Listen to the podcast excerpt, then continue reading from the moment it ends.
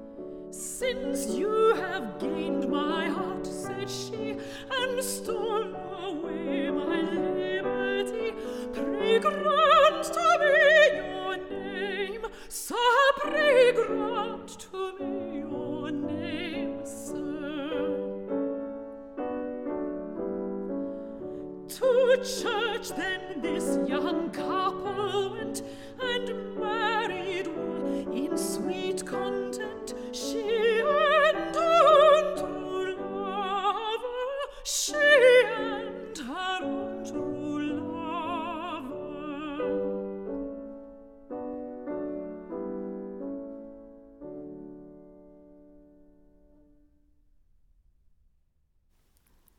Mary Bevan söng enska þjóðlægið The Cuckoo and the Nightingale í útsetningu eftir Ralph Vaughan Williams.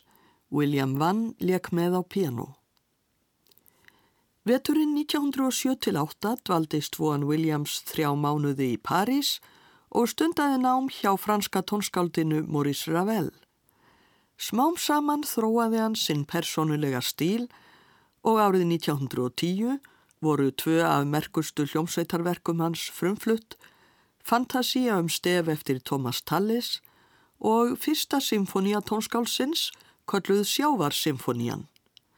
Fjórum árum setna, 1914, samti hann aðra symfóníu sína, Lunduna symfóníuna og frumgerð sína verkinu The Lark Ascending, Lævirkin hækkar flugið, en svo gerð var fyrir fiðlu og piano.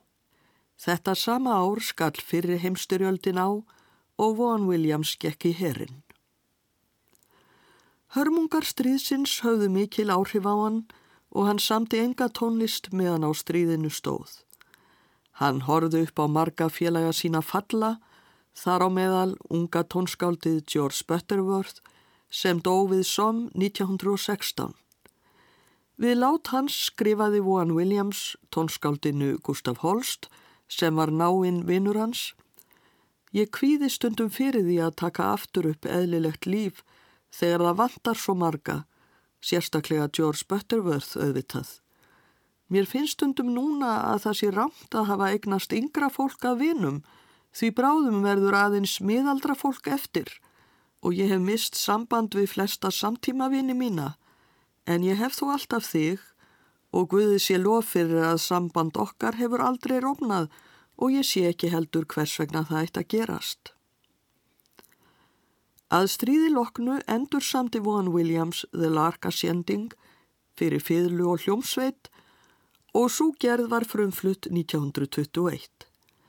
Þetta er eitt frægasta verkans, samið undir áhrifum frá ljóði eftir George Meredith þar sem líst er lævirkja sem hækkar flugið syngjandi. Við hlýðum nú á verkið The Lark Ascending eftir Ralph Vaughan Williams. Hugh Bean leikur á fiðlu með nýju filharmóniusveitinni. Stjórnandi er Adrian Bolt.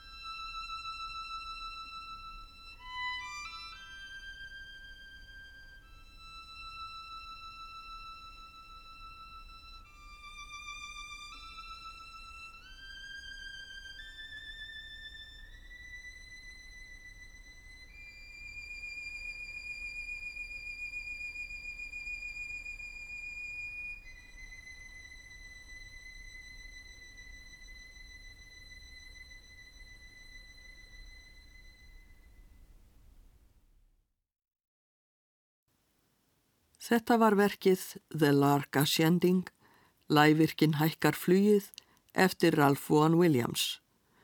Hugh Bean leik á fyrlu með nýju fílharmóniu sveitinni, Adrian Bolt stjórnaði.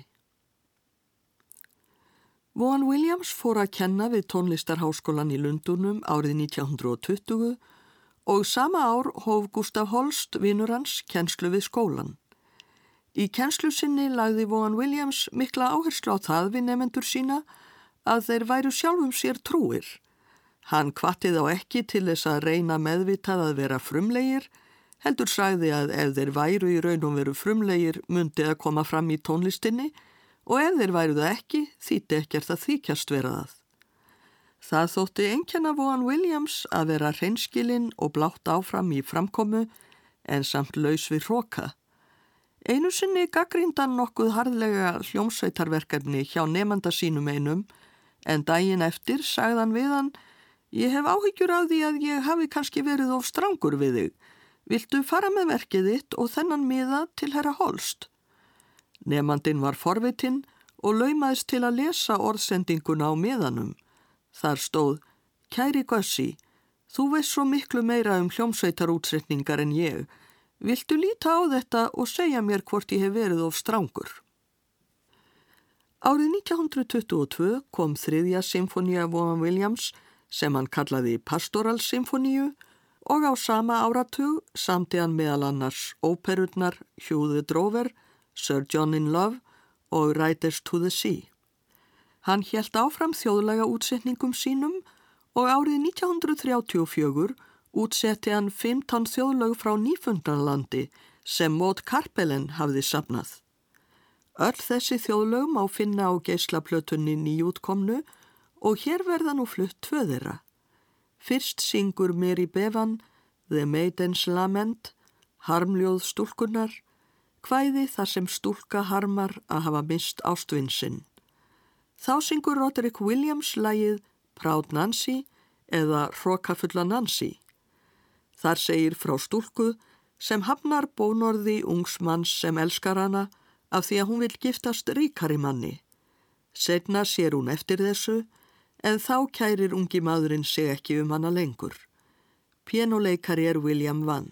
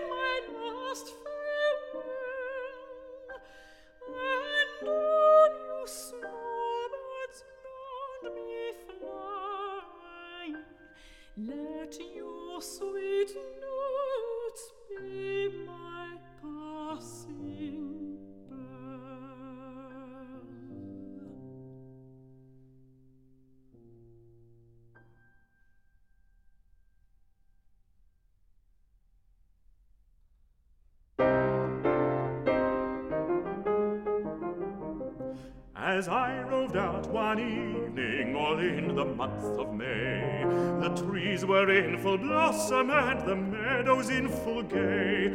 I fell in love with Nancy, she's the girl whom I adore. She's my joy and fancy, how can I love her more? Nancy, my love, Nancy, oh, won't you marry me? I've got no store of riches, but I have got love for thee. There's richer men than what I am, but none could love you so. If I had gold as mountains, it would be yours also.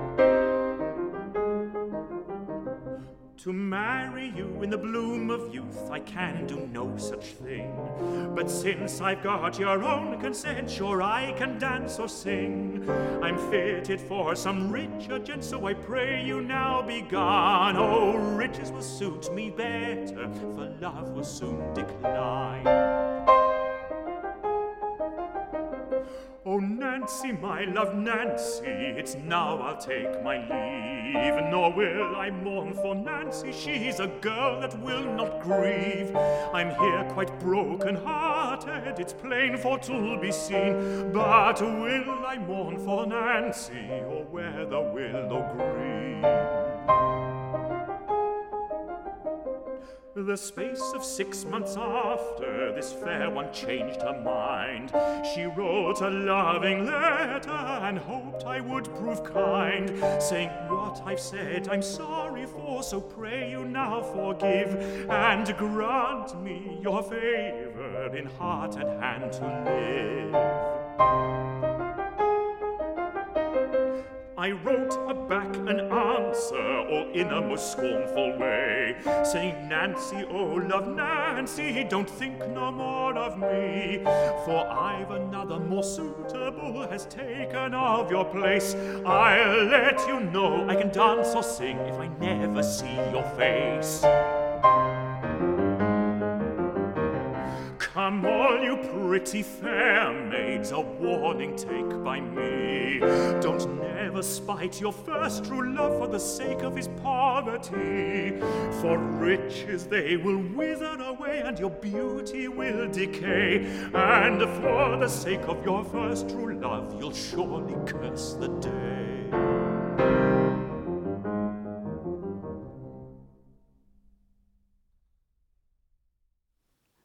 Þetta voru tvö þjóðlög frá Nýfundnalandi í útsetningu eftir Ralph Vaughan Williams. Roderick Williams söng lagið Proud Nancy og þar á undan söng Mary Bevan The Maiden's Lament. William Vann leik á piano.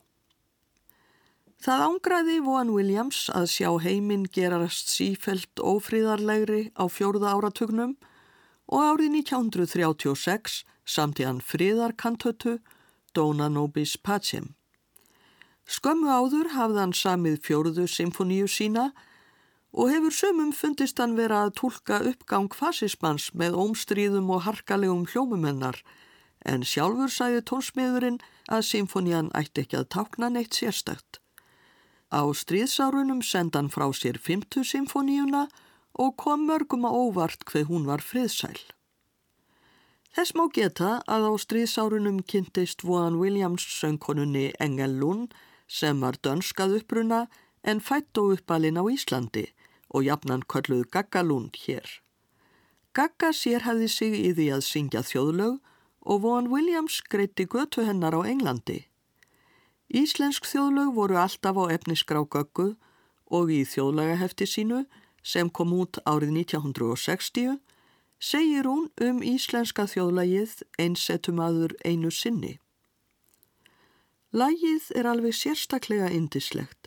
Þegar gamla tónskaldið enska Vaughan Williams heyrði það fyrst var hann svo hrifin af því að ég mátti til að syngja það fyrir hann mörgum sinnum. Þótt það sé dálit til hliðarspor skulum við nú heyra Gökkulún syngja þetta lag í úrsetningu eftir Ferdinand Ráter sem leikur á pianoið.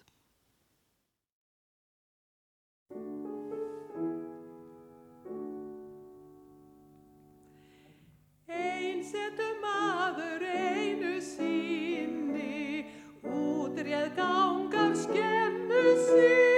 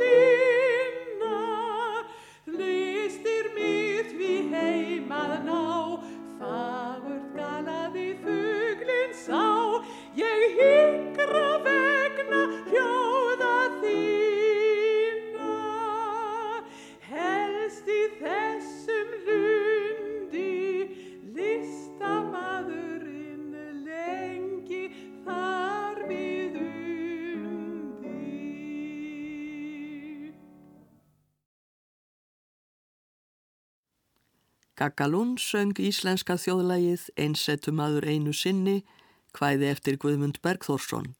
Ferdinand Ráter útsetti lægið og lék á piano. Þremur árum eftir stríð, árið 1948, var sjötta symfónia Vaughan Williams frumflutt. Sama ár var frumsýnd kvikmyndin Scott of the Antarctic með tónlist eftir hann. Kvikmyndin fjallaði um leiðangur sem landkönnuðurinn Robert Falcon Scott fór á Suðurpólinn á árunum 1910 til 1913. Þessi leiðangur endaði mjög sorglega því kvorki skottni félagar hans fjórir lifðu hann af. Vaughan Williams hæði mikinn áhuga á efninu og þar sem aðeins hluti af tónlistans var notaður í myndinni ákvaðan að nota tónlistina líka sem grunnað sinfoníu. Úrvarð Sinfonía Antartika, söður heimskaut sinfonían, sem var frumflutt í Manchester árið 1953. Í þessu verki notar tónskáldið meðal annars vindvél og ímis sjálfteirð hljóðfæri eins og selestu, auk þess sem kvennakór syngur orðalaust eins og úr fjarska. Hér verður nú fluttur fyrsti kabli Suður heimskaut symfoníunar, Symfónia Antartika, eftir Ralph Vaughan Williams. Þátturinn hefur yfirskriftina Preludía, auk þess sem tónskáldið setur sem motto brotur ljóðinu Prometheus leistur eftir sjeli. Þar segir í lausleiri þýðingu að líða kvöl sem vonin telur óendanlega, að fyrirgefa rángindi sem eru myrkari en dauðin eða nóttin, að augra valdi sem virðist almáttugt og hvorki breytast, hika nýja yðrast, þetta er að vera góður, mikill og gladur, fagur og frjáls. Þetta eitt er líf, gleði, heimsveldi og sigur.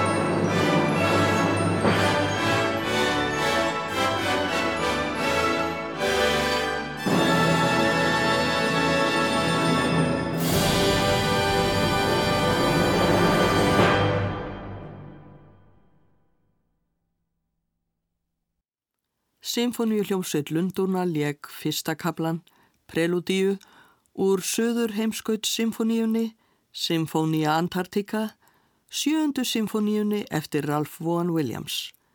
Symfóníu kór Lundúna söng, einsöngvari var Catherine Bott.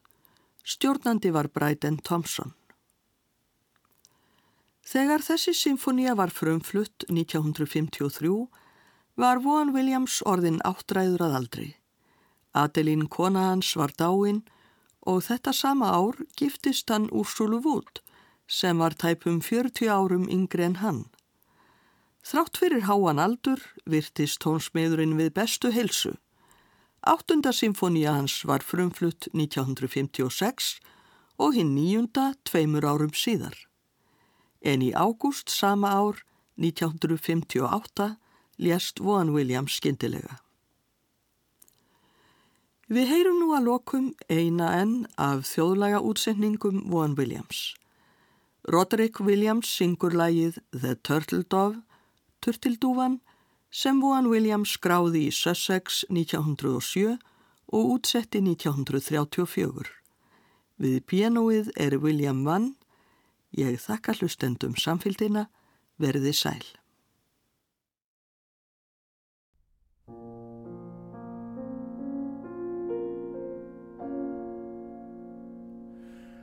say you